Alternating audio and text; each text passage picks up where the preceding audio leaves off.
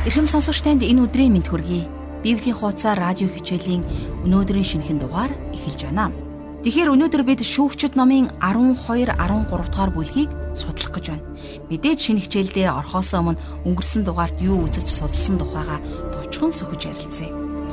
Та Ептагийн түүхийг сайн санаж байгаах. Энэ хүний түүх өнөөдөр бидэнд маш онцгой сургамжтай хичээлийг хэлсэн шүү дээ. Епта бол бурханд сонгогдож дуудагдсан 9 дэх шүүгч байсан. Тэрний амьдрал дахь хамгийн том саад бэрхшээл бол хууль бус мөн биеэ үнэлэх жимхтийн хүүхэд байсныг бид үзэж судалсан. Хэдийгээр тэр угсаа гаралд мутайч гэсэн бурхан тэрнийг сонгон авч ард түмнийг чөлөөлөх тэрл агуу үйлстэй түүнийг ашигласан шүү дээ.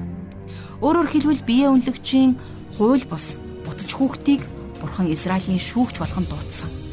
Энэ үнэхээр энэ үйлчлэл энэ дуудлага үнэхээр гайхамшигтай санагдж байлаа. Энэ бүлгээс бидний хамгийн гол суралцсан зүйл бол ямар ч үед сэтгэл хөдлөлтөө гүн автаж хөнгөн хуумган амлалтыг бурханд өгч болохгүй тухай бид суралцсан. Олон ч итгэгчид өөрсдийгөө бурхны талаар маш их зүйлийг мэддэг гэж боддог. Энэ бодол маань заримдаа хитрхи илт байгааг харах бүрдээ би их гонигтай олчдаг. Ягаад гэдгийг бидэнд 9 дэх шүүгч Ябтагийн түүх хэлж байна. Бидний хайртай бурхан бол хэний ч гүйцэд судалж мэдхийн аргагүй тийм л аваа баялаг юм. Тэр хин нэгнийг өөртөө заавал ам тангарах тавиа гэж шахаж шаарддаг нэг юм биш. Учир нь тэр нэгүслэлээр дүүрэн тэр хайраар баялаг нэгэн. Тиймээс бурханд үнэхээр амлалт өгөхийг хүсэж байгаа бол эхлээд тунгаан бод. Чадах юм бол ам тангарах үг.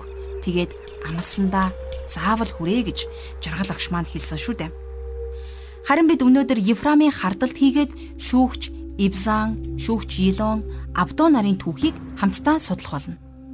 Түүнчлэн Израилийн ард түмний Филистчүүдийн дор боолчлогдсон 40 жилийг харж 13 дахь шүүгч Самсон хэрхэн чөлөөлсөн түүхийг үзэж судлах болно. Ингээд жаргал агшийнхаа хичээлд орхосоо мөн энэ цагийг бурхан даатгаж хамтдаа залбирцгаая.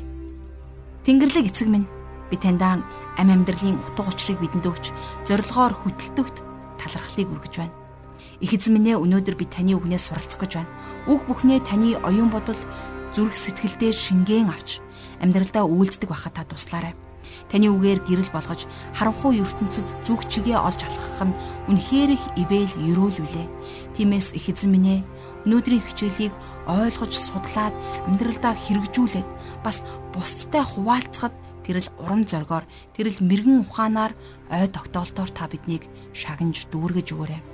Их эзэн минь ээ бас таныг танихгүй сонсож мдээгүй байгаа зүрх сэтгэл чихнийг болгонд та хүрч та тэдний дотор гэрлийг асаагаарай. Эзэн минь танд өнөөдрийн хичээлийг өргөж Есүс Христийн нэрээр залбирanгуйж байна. Амен.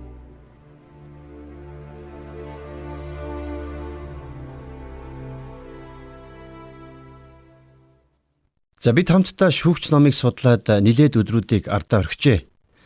Тэгэхээр өнөөдрийн хичээлээс бидэнд суралцах зүйл маш их байх болно. За мэдээж бурхан өөрийн гайхамшигттай үгийг энэ цагт таны зүрхсэтгэл чингээж аливаа асуудалд тань мэрэгэн ухаанаар хандах зөв сэтгэлийг нээж өгнө гэдэгт би итгэлтэй байна. За ингээд хамтдаа шүүгчд номын 12 дугаар бүлгийн 1-ээс 3 дугаар ишлэгийг гаргацгаая. Дараа нь Ефраимын ирчүүд дуудагдан цугларч Зафон руу гатлан очиод Ефтад Яагад чи өөрийнхөө хамт авч явхаар биднийг дуудлаггүйгээр Амоны хөвгүүдтэй дайтахаар хөдлөв. Бид чамаа гэртээ чинь хамт шатаан хэмээн занжээ. Ефта тэдэнд Би болон миний ардууд Амоны хөвгүүдтэй маш бэрх тэрсэлдэн артсан.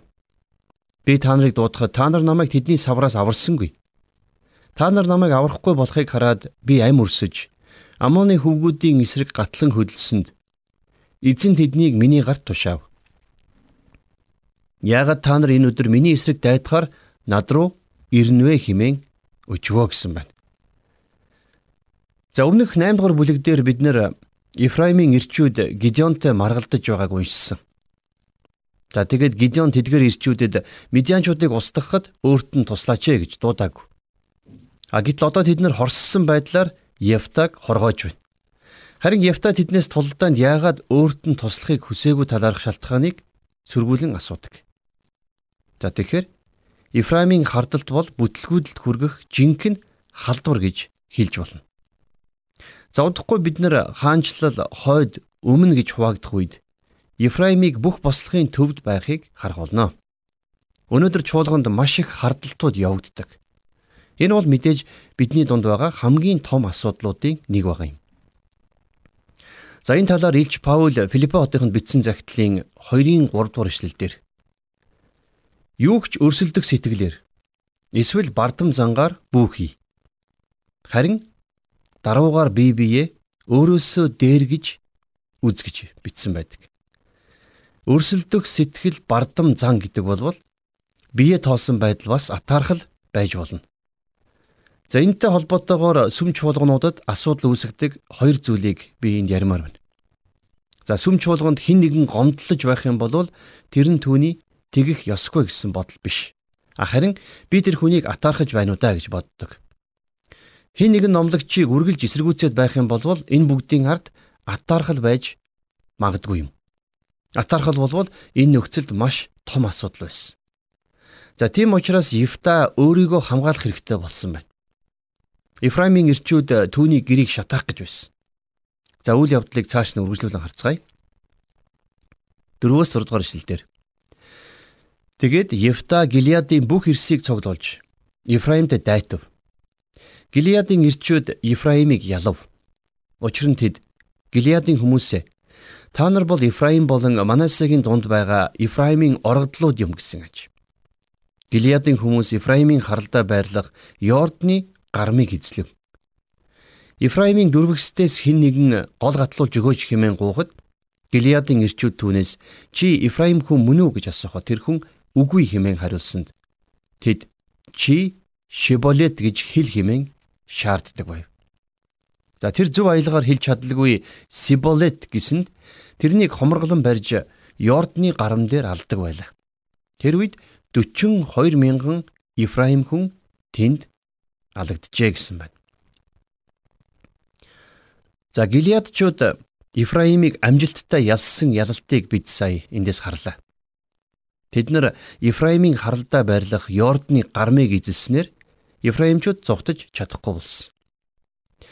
Ефраимын дөрвөгсдөөс хин нэгэн гол гатлуулж өгөөч гэж гуйхад тэд нар өөрсдийн сонгож авсан нууц үгийг тэднэрээс асуудаг байсан. За энэ үгийг хэлэхэд нилээд адармат. Яагад гэвэл тэдний нууц үгэнд Ефраимийн аялганд байхгүй нэг гээгүүлэгч байдаг байсан. Шиболет. За хэрвээ энэ үгийг хэлэхэд аялга нь буруу байх юм бол тэр хүн асуудалд ордог байсан байна. За өнөөдөр ч гэсэн ялгаагүй манай хэлэнд хэлэхэд хэцүү хэд хэдэн үгнүүд байдаг. За тэгвэл Ефраимчүүдийн хувьд Шиболет гэдэг нь хэлэхэд маш хэцүү үгсийн нэг байсан байна. Учир нь тэд нар энэ үгэнд хэ үсгийг оруулж чаддгүй байсан. За ингээд 7 дугаар ишлэг харцгаая. Ефта Израилийг 6 жил шүүв. Тэгээд Гилиад хүн Ефта нас эцэслэн Гилиадын хотуудын нэгэнд нь оршуулв. За Ефта Израилийг үйл явдлаар дүүрэн 6 жил шүүснийхээ дараа инхүү нас эцэлсэн байна. За ингээд 10 дахь шүүгч Ибзаны үе ирсэн. За Библиэр үнэндээ дараагийн 3 шүүгчийн талаар юу ч тэмдэглэж үлдээгээгүй байдаг. Тэгэхээр Тэд нэр юу ч хийгээгүй гэсэн үг үү? За энэ асуултыг олон хүн надаас асуудаг л да. Мэдээж тэд нар ямарваа нэгэн зүйлийг хийсэн л байж таарна. А гэхдээ тэд нар Израилийг зохих ёсоор нь шүүж чадаагүй шүүгчд юм. За энэ тухай 8-аас 10 дугаар эшлэлдэр ингэж бичсэн байна.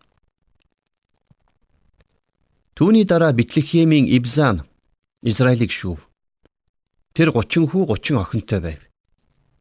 Тэр охтоо гэр бүлээсээ гадагшаа хадамд гаргаж мөн өөрийн хөвгүүдэд 30 охтыг гаднаас бэр болгон ав. Тэр 7 жил Израилийг шүүжээ. Ибзаныг нас эцлэхэд Битлехемд оршуулв. Тэгэхээр энэ Ибзан гихт шүүгч Битлехем хотоос гаралтай байсан. За Битлехем хот болвол өмнөд Юдагийн хотуудын нэг байсан юм. Израилийн шүүгчээр дуудагдсан Ибзан гихч энэ хүн 30 хүү 30 охинтой байсан байна. За 30 охинтой байна гэдэг бол үнэхээр асуудал шүү. Би тэрнийг хөвгүүддээ ихнэрүүд авахын оронд октоудаа нөхөрт гаргах гэж нилээн их зовсон байхаа гэж боддог. Яагаад гэвэл шүүгч байсан 7 жилд нь Ибсанд октоо нөхөрт гаргах цаг байхгүй байсан байх магадлал маш өндөр юм. Тэрэнд Израилийг шүүх цагч байгаагүй. Өөрөөр хэлэх юм бол Ибзан бүх цагаа гэр бүлдээ зарцуулсан гэрийн эзэн байсан. За мэдээж энд буруу юм байхгүй л дээ. А энэ байдал нь тэрний шүүгчээр дуудагдах болсон шалтгаанч биш. Өнөөдөр гадаад орчинд хариуцлагын талаар дэндүү утгагүй зүйлсийг их ярьдаг болсон байна. За нэг номлогчийн талаар сонссон түүх гинэт санаанд орлоо. За мань номлогч сүмдээ номлохоор явах гэж байхад нь хүүн аавтайгаа ярихыг хүссэн байна. За номлогч ч гэсэн доошоо суугаад хүүтэйгээ ярьж эхэлж. Ингээд нилээд ч удаан ярилцсан байна тэр хоёр. За тэгээд тэрээр номлох цаг нь өнгөрсөн хойно сүмдээ очисон байна. Гэтэл тэрнийг маш олон хүмүүс алга ташин угтаж авсан гэдэг. За хэдийгээр тэр номлогч өөрийг нь маш олон хүмүүс хүлээж байгаа гэдгийг мэдсэн ч гэсэн номлохоо цуцалсан байдаг. За ингэж суслах болсон шалтгаан бол тэр хүүхдээ эрхлүүлэх цагта илүү анхаарсан хэрэг. За энэ нь тэр номлогчийг зөвтгөх боломжтой юу? Мэдээж үгүй. Номлогч хүүхэддээ тэрхүү чухал уулзалтыг цуцлахгүйгээр хайр халамжаа үзүүлэх боломжтой байсан. Тэгэхээр эндээс бидний ойлгож авах ёстой нэгэн чухал зүйл юу вэ гэхээр тодорхой зүйлийг ихэнд тавих ёстой цаг гэж байдаг. Хэрв тэр хүүдээ аав нь өнөөдөр номлох ёстой. Энэ бол маш чухал. Чи аавыгаа номлолоо амжилттай хийхийг хүсэж байгаа. Тийм биш гэж юу гэж хэлсэн болвол тэр хүүдээ илүү гээр үйлчилсэн байх байсан. Мэдээж хүн зөвшөөрөх байсан гэж би боддог. Үнэн дээр тэр номлогчийн хийсэн зүйл бол жаал хүүг эрхлүүлэхээс өөр юу ч байгаагүй. За яг энэ шиг би Ибзаны үйлдэлүүдийг сайшаадгүй. Ягаад гэвэл тэр юу ч хийгээгүй. Тэр бол зүгээр л нэг мулгуу хүний дүр зураг. За ингээд бид нар 11 дэх шүүгч Илоны Израилийг шүүж байгаа тэр хэсэг дээр ирж байна. За энэ тухай 11-ээс 12 дугаар ишлээс уншицгаая.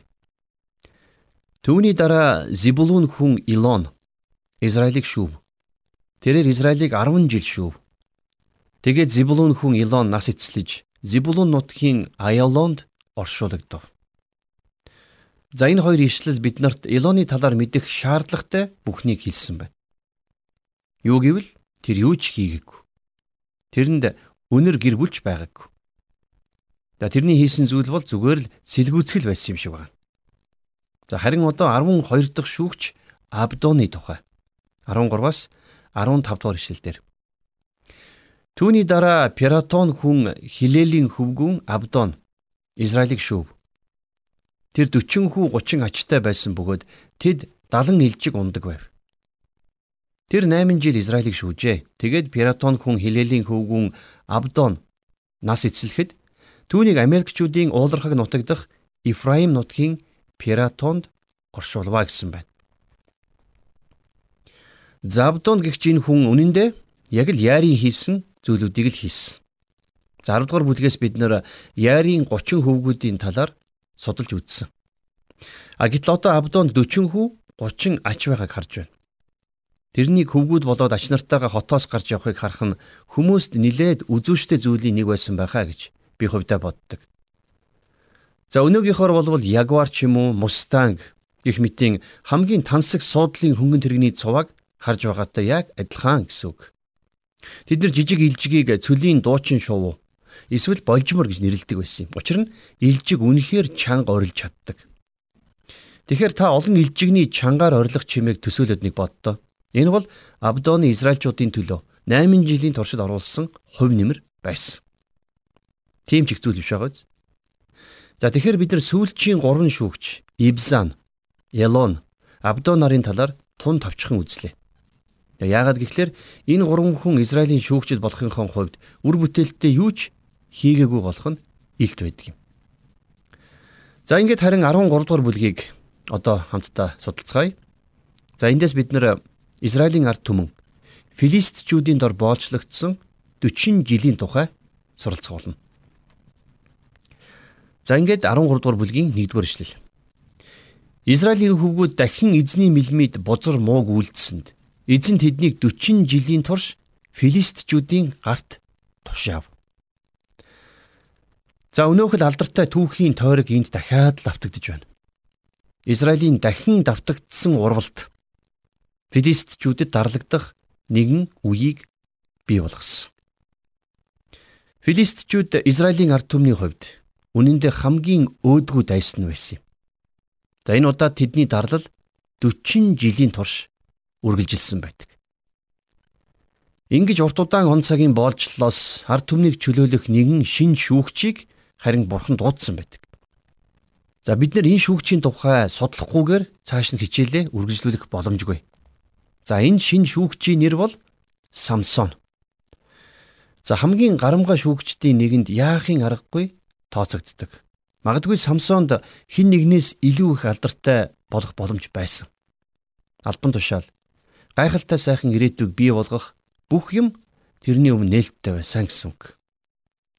А гэхдээ харамсалтай нь Самсон бүтлгүйтсэн. Энэ бүтлгүүтэл нь Самсоны амьдралын хамгийн том эмгэнэл байсан. За Самсон бол 7 жилийн ургалтын үед шүүхээр дуудагдсан шүүгчдийн хамгийн сүүлийнх нь. Тэрнийг шүүгчээр дуудах үед Израиль филистинчүүдийн боолчлолд байсан. За ердөө хэсэгхэн газар нутг нь Самсоноор чөлөөлөгдөд байсан. Ефтагийн үед эхэлсэн иргэний жижигхэн дайн улам бүр томорч ийхүү бүхэл бүтэн ард түмнийг боолчлолд оруулахад хүргэсэн байдгийг. За ерөнхийдөө шүүгчд ном болвол туйлын төөрөгдөл дунд төгсдөг. Болчлын эсрэг дуудагдсан шүүгч Самсоны удирдлага нь өнөө цагт бидэнд амжилтын олон нууцыг үлдээж чадсан юм. Энэ бол тэрний хүч чадлын нууц. За бас нөгөөтэйгөр бүтлгүүдлийнх нь нууц байсан. За дахиад хэлэх юм бол үнэндээ Самсоноос илүү гайхамшигтай. За бас боломжтой хүн Израильд байгаагүй. За цааш нь бүгдээр үргэлжлүүлээд харцгаая 13 дугаар бүлгийн 2 дугаар ишлэл. Дааны уургийн Зорагийн нэгэн хүн Манао хэмээх нэртэй нэгэн ир байжээ. Түүний эхнэр нь хүүсэр тул хүүхэд төрүүлсэнгүй.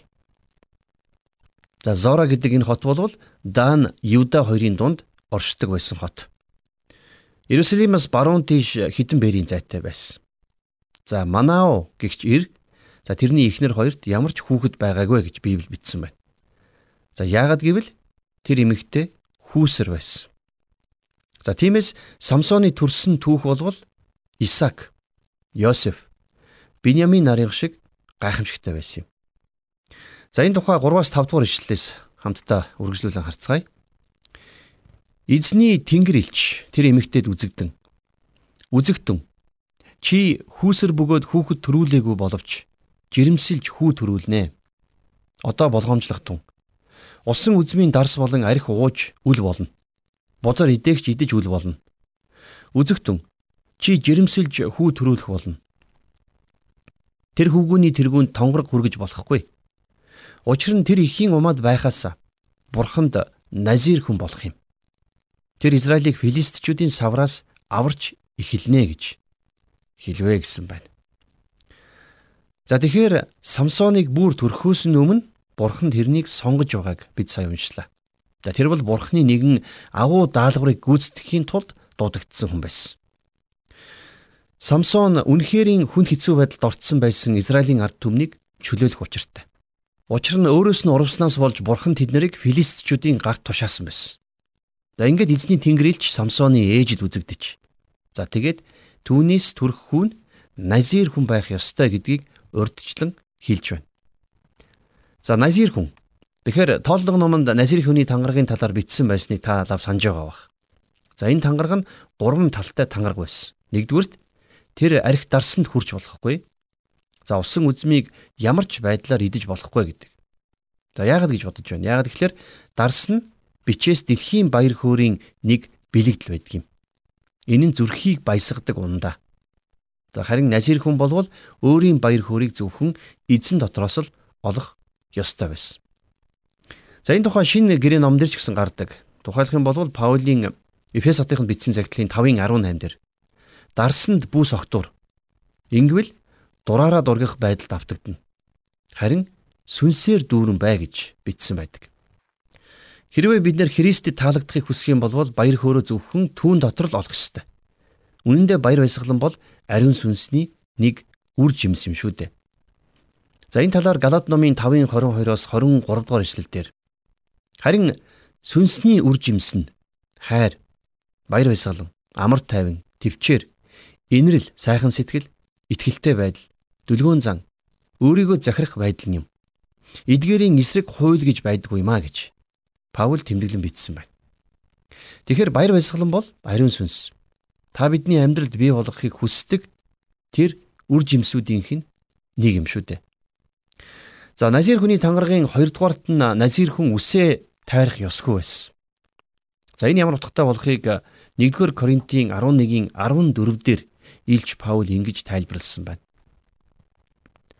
Хэрвээ эр хүн урт үстэй байвал энэ нь түүнийг гутаадаг гэдгийг төрлөх байдал өөрөө та нарт сургадаг босоо гэсэн. Тэгэхээр бичээст эр хүн урт устай байх нь тэрнийг гутаадгаа гэж бичсэн байна. А гítэл назир хүн урт устай байх нь ичгүүрийг үүрэхэд хизээд бэлэн байхын тулд юм. За тэр нь тэрний толгойд тонгорог хүргэх ёсгүй шалтгаан байсан. За харин назир тангаргийн 3 дугаарт нь бол тэр үгсэн биеийн ойр очих ёсгүй байсан. За учир нь Назир хүн бурхныг энэ тэргүүнд тавьж өөрийн хамаатан садан хайртай хүмүүсээ дараа нь тавих ёстой байдаг. За энэ тухай их эзэн Есүс Христ Лукийн бичсэн сайн мэдээ номны 14-ийн 26-аас 27 дугаар ишлэлдэр ингэж хэлсэн байдаг. Хэрв хэн нэг нь над руу ирж өөрийн эцэг их эхнэр хүүхэд ах эгч дүүсээ төдийгүй өөрийн амийг хүртэл үзэн ядахгүй болвол тэр хүн миний шав байж чадахгүй. Өөрийнхөө загалмайг үүрэлгүй.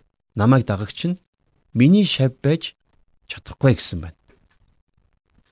Тэгэхээр энэ нь бид нар Христийн өмнө юу ч тавьж болохгүй гэсэн утгатай. Христ бол бидний амьдралын нэг номер. Харин энэ бол өнөөдөр бидний гээх гээд байдаг зүйл. За мэдээж Самсон бол назир хүн байсан. За өөрөөр хэлэх юм бол тэр бурхны хүн байсан гэсэн үг. За энэ бүхний тэрэнд байсан амжилтынх нь нууц байсан. Тэрээр маш агуу том зорилгын төлөө өсөж торинсон. Харин агуу амжилтууд нь бурхан дотор байснараа онцгой байх байсан юм. Агил харамсалтай нь тэр бурхнаар тогтоогдсон үүрэг даалгаврыг биелүүлэхдээ хизээч амжилт гаргаж байгаагүй. За энэ талаар 5 дугаар ишлэлд хэлсэн байдгийг та санаж байгаа бах. Самсон Израилийг Филистиний мутраас чөлөөлж эхлэхэд амжилт түүний үүдийг тогшсон. Тэр бол эхлүүлэгч нэгэн байсан болохоос биш дуусгагч байгаагүй. Тиймээс Самсон Израилийг чөлөөлж эхэлсэн.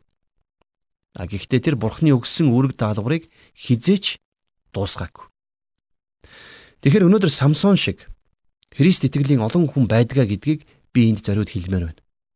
Тэд нар маш их агуу ажлуудыг эхлүүлдэг. Гэхдээ харамсалтай нь хизээч эхлүүлснээ дуусгадаггүй. Паул Галат хотын тандж хэлэхдээ та нар сайн гүйж байсан. Хин та нарыг үнэн дуулууртай байхад чинь саад болсон юм бэ гэж нилээн хурцхан асуусан байдаг. Тийм ээ, бид нар үнэхээр бүх юмыг ирч хүчтэйгээр ихлүүлсэн. А гэхдээ төгсгөлийг нь үргэлж бүтлгүүтүүлж байсан. Тэгэхээр яг одоо бидний мэдэж байгаагаас ч олон хүн Библийг уншихаар эхлүүлж байгаа.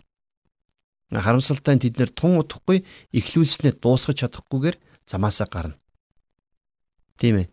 Хүмүүс зөвхөн эхлүүлдэг. Харин тэр болгон цааш нь үргэлжлүүлээд байдаггүй. За цааш нь үргэлжлүүлэн 24-өөс 25 дугаар ишлэгийг хамтдаа харцгаая. Үүний дараа өнөөх эмэгтэй хөвгүүн төрүүлж түүндээ Самсон химээх нэр хайрлав. Хөвгүн өсөж эзэн түүнийг өрөв. Зора болон Иштуалийн хоорондох Маханы дан хотод байхад нь эзний сүнс түүнийг хөдөлгөж эхлэв. За дээрх ишлэлүүд биднэрт Самсоны хүч чадлын нууцыг хэлж өгч байна. Тэрний хүч чадал нь бол түүний гарт байгаагүй. Хэдийгээр тэр өөрийн хоёр гараараа мянган мянган филистинчүүдийг алсан ч гэсэн Түүний гарт нь түүний хүч чадал нь байгаагүй юм. За хэдийгээр тэр газын хаалгуудыг нуруундаа үүрсэн ч гэсэн энэ их хүч чадал нуруунд нь байгаагүй. За магадгүй танд гайхалтай сонсогдож байж болох юм. Үнэхээр тийм. Самсоны хүч чадал тэрний толгойн үсэнд нь ч байгаагүй. Хэдийгээр тэр үсээ тайрахад цул дорой болдог байсан ч гэсэн зөвхөн бурхны сүнс тэрнийг хөдөлгөх үед л Самсон хүч бяртай болж байсан. Тэрний толгойн үсийг тайрсан нь үнэн хэрэгтээ огтхонч сулруулаагүй. Үнэн хэрэгтээ тэрний үс нь назир хүний тангаргийн тэмдэглэл байсан. За үсийг тайрах үед ч гэсэн бурхны сүнс тэрэн дээр байгаагүй.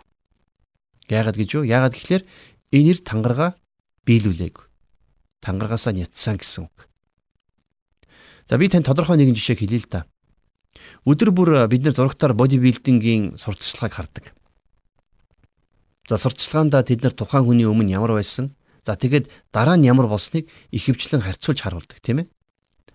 За тэгээд та сайн анзаарах юм бол өмнөх зураг нь үргэлжил баг зэрэг бүрхэг байдаг тийм ээ. За дараа нь булчин сууж хүч тамиртай болсон байгаа дүрсийг маш тод харуулдаг. Ингээд л бид нэгэн агуу том булчинтай хүнийг хардаг. За хэдийгээр олон хүмүүс Самсоныг мэрэгжлийн боксчин шиг дүрсэлж төсөөлж болгоч гисэн тэр нэг эрх хүүхдүүдийн л нэг байсан. Би тэрнийг жижигвтер биеттэй туранхай холчгор хүн байсан болов уу гэж дотроо таамаглан боддог. Гэхдээ та бодолтой нэр нь хүртэл нархан гэсэн утгатай. Тэрээр урт үстэй бас нууцлаг зүйлийг хийх дуртай нэгэн байсан. За тэгээд тэр ямар ч төлөвшөлгүй сургуулийн хүүхд шиг байнга дүрсгүйтдэг. За тийм учраас Самсон эмэгтэй хүнээр өөрийнхөө толгойг эргүүлэх алхмыг зөвшөөрсөн байна. Тэгэхээр тэр эр хүн шиг байгаагүй гэсэн үг. За бас олон хүмүүсийн боддогчлон Библиэд хамгийн хүчрхэг нэгэн ч байгаагүй. Яагад гэхлээр Самсон хамгийн сул дорой хүн байсан. Сэтгэлийн хат хатуужилгүй хүн байсан гэсэн үг. Тэр ердөө ээжийнхэн хормоноос зүгддэг эрх жаахан хөгжиж санагддаг. Харин эзний сүнс тэрнийг хөдөлгөх үед тэр хүч бяртаа болж байсан. За тэгээд сүнс тэрэн дээр байхгүй үед хийн гарсан бөмбөг шиг сул дорой болж байлаа. Самсоны үед хүмүүс тэрний хүч чадлын их сурвалжийг мэдхийг хүсдэг. Тэд нар бурхан өөрийн зорилгоодыг гүйцэтгүүлэхээр хамгийн сул доройг сонгодгоо гэдгийг ухаараагүй юм. Энэ жижигхэн эцэнхий хулчгар нөхөр энэ гайхалтай хүч чадлын үйл хэрэгүүдийг яаж хийж чадаж байваа гэж тэд нэр гайхаж байсан л автай. А гэхдээ ганц л үнэн бодиттой тайлбар энд байгаа юм. Энэ бол сул дорой хүний ард бурхан бүгдийг хийдгиймаа гэсэн тайлбар.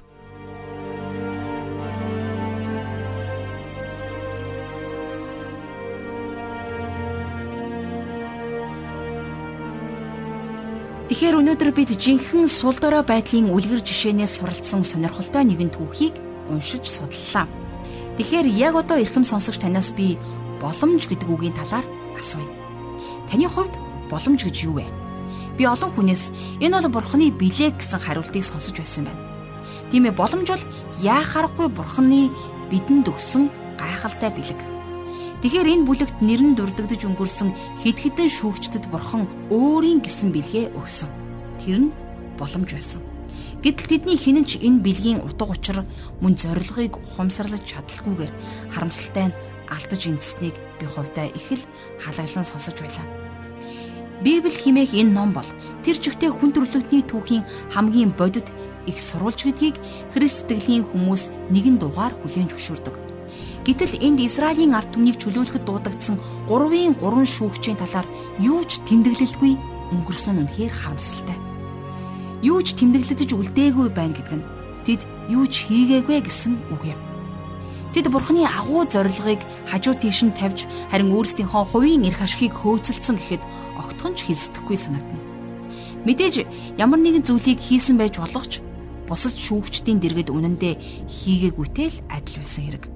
Яагаад гэвэл тэд Израилийг зохих ёсоор нь шүүж чадаагүй энэ хорвоогоос хальцгаасан юм. Тэд өнөөдөр бидний үргэлжид суралцж байгаа үлгэр жишээ хүмүүсийн нэг байх бүрэн боломжтой байсан. Харин гэтэл сул дорой үүрэг хариуцлагагүй байдлын хор уршигыг таниулсан түүхийн эзэд болж үлдлээ. Бурхан үргэлж сул дорой хоосон савыг өөрийнхөө агуу төлөвлөгөөг хэрэгжүүлэхийн тулд ашигладаг гэдгийг бидэнд шүүгчд номын гайхамшигтай бүлгүүд харуулсаар бас нотолсоор байна. Энэ удаад ч гэсэн мөн сануулж ойлгуулж хэллээ. Хүнийг болгонд боломж байдаг. Хэрвээ та боломжийг ашиглаж чадахгүй бол боломжийг ашиглаж чадаагүй тэрл хүмүүсийн тоонд орж түүхийг үргэлжлүүлэх болно. Бурхан сул дорой нэгнийг дүүргэж хүчрхэгжүүлдэг нэгэн. Амен. Ингээд энэ хүрээд өнөөдрийн хичээл маань өндөрлөж байна. хичээлийн төгсгөлд боломж хүнийг болгонд байна. Та бурхны танд өгсөн боломжийг заавал ашиглаж түүний алдрын төлөө энд л өчүүхэн би ам амьдралаа өргөж зориулаасаа гэж хөтлөгч миний зүгээс уриалж байна. Харин одоо энэ цагийг өндөрлөж бурханд хамтдаа залбирцгаая.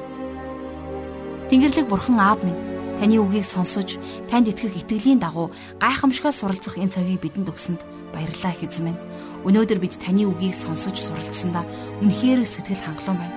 Эзэн минь ээ ам амьдралыг мань утга учиртай зорилгоор дүүрэн болгож өгөхдөө надаас өчүүхэн төдийж хариу нэхээгүй таны хайрын төлөө талархлыг үргэе. Таны үг бидний оюун бодол зүрх сэтгэлд маань шингэн үлдэж бусдад түгэн тархаасаа гэж хүсэж байна. Их эзэн минь ээ учир нь таны үг бол гэрэл энэ л харанхуй ертөнцийн зүгт гэрлээ цацрааж та харанхуй үеийнхэнд гэрлийг гийгүүлээч. Энэ л үйлчлэл, энэ л агуу үйлстэй та биднийг ашиглаач. Эзэн минь таныг таньж мэдгүй олон зүрх сэтгэл, таныг сонсож таньж харж байгаагүй олон нүд зүрх сэтгэл хүн төрлөختөн байна.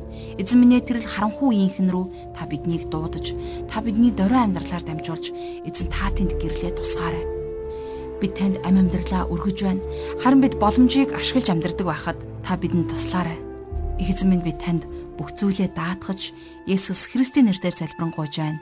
Амен.